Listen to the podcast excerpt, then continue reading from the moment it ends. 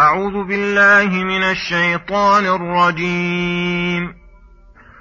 وما أوتيتم من شيء فمتاع الحياة الدنيا وزينتها وما عند الله خير وأبقى أفلا تعقلون أفمن وعدناه وعدا حسنا فهو لاقيه كمن متعناه متاع الحياة الدنيا ثم هو يوم القيامة من المحضرين ويوم يناديهم فيقول أين شركائي الذين كنتم تزعمون قال الذين حق عليهم القول ربنا هؤلاء الذين أغوينا أغويناهم كما غوينا أغويناهم كما غوينا تبرأنا إليك ما كانوا إيانا يعبدون. وقيل ادعوا شركاءكم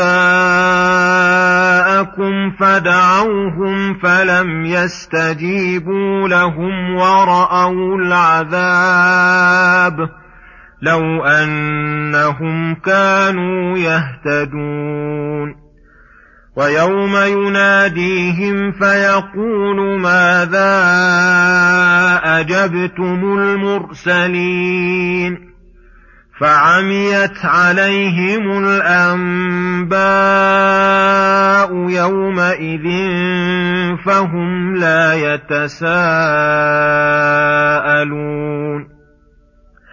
فأما من تاب وآمن وعمل صالحا فعسى أن يكون من المفلحين. بسم الله الرحمن الرحيم. السلام عليكم ورحمة الله وبركاته. يقول الله سبحانه وما أوتيتم من شيء فمتاع الحياة الدنيا وزينتها. وما عند الله خير وأبقى أفلا تعقلون. هذا حظ منه تعالى لعباده على الزهد في الدنيا وعدم الاغترار بها وعن الرغبة في الأخرى وجعلها مقصود العبد ومطلوبه. ويخبرهم أن جميع ما أوتيه الخلق من الذهب والفضة والحيوانات والأمتعة والنساء والبنين والمآكل والمشارب واللذات كلها متاع الحياة الدنيا وزينتها. أن يتمتع بها وقتا قصيرا متاعا قاصرا محشوا بالمنغصات ممزوجا بالغصص.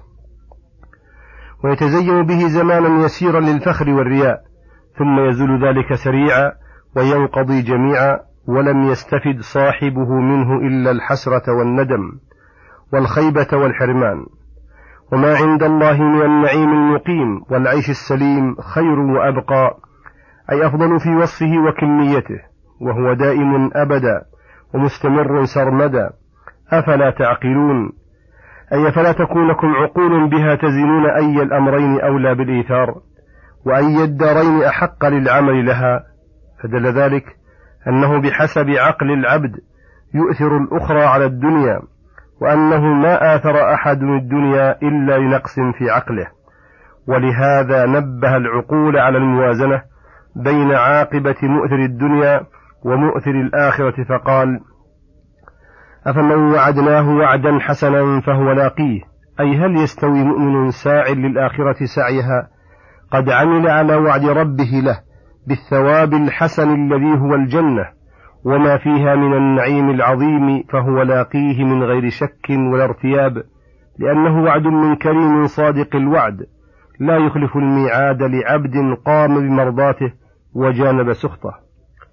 كمن متعناه متاع الحياة الدنيا فهو يأخذ فيها ويعطي ويأكل ويشرب ويتمتع كما تتمتع البهائم. قد اشتغل بدنياه عن آخرته ولم يرفع بهدي الله رأسا ولم ينقد المرسلين فهو لا يزال كذلك لا يتزود من دنياه إلا الخسار والهلاك.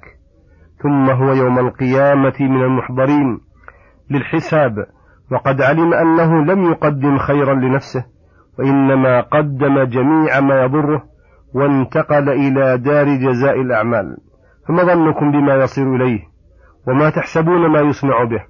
فليختر العاقل, فليختر العاقل لنفسه ما هو أولى باختيار وأحق الأمرين بالإيثار.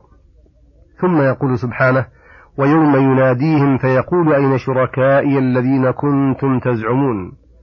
هذا إخبار من الله تعالى عما يسأل, يسأل عنه الخلائق يوم القيامة وأنه يسألهم عن أصول الأشياء عن عبادة الله وإجابة رسله فقال ويوم يناديهم أي ينادي من أشركوا به شركاء يعبدونهم ويرجون نفعهم ودفع الضرر عنهم فيناديهم ليبين لهم عجزها وضلالهم فيقول أين شركائي؟